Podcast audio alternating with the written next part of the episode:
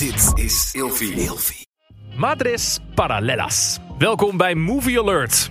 Met Madres Paralelas komt de Spaanse meester Pedro Almodóvar opnieuw met een fascinerende blik op moeders en moederschap.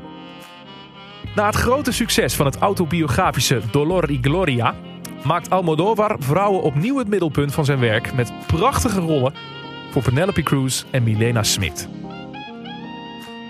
Twee vrouwen, Janice en Anna, bevallen tegelijkertijd in hetzelfde ziekenhuis. Beide zijn alleenstaand en ongepland zwanger. Janice, van middelbare leeftijd, is blij, maar de jonge Anna is bang en onzeker. De weinige woorden die de vrouwen wisselen vormen de basis voor een band die hun levens later een beslissende wending zal geven.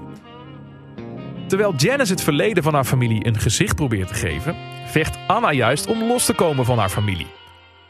In Madres Paralelas zien we acteurs als Rosé de Palma en Julieta Serrano terug, die we goed kennen uit eerdere films van de Spaanse meester.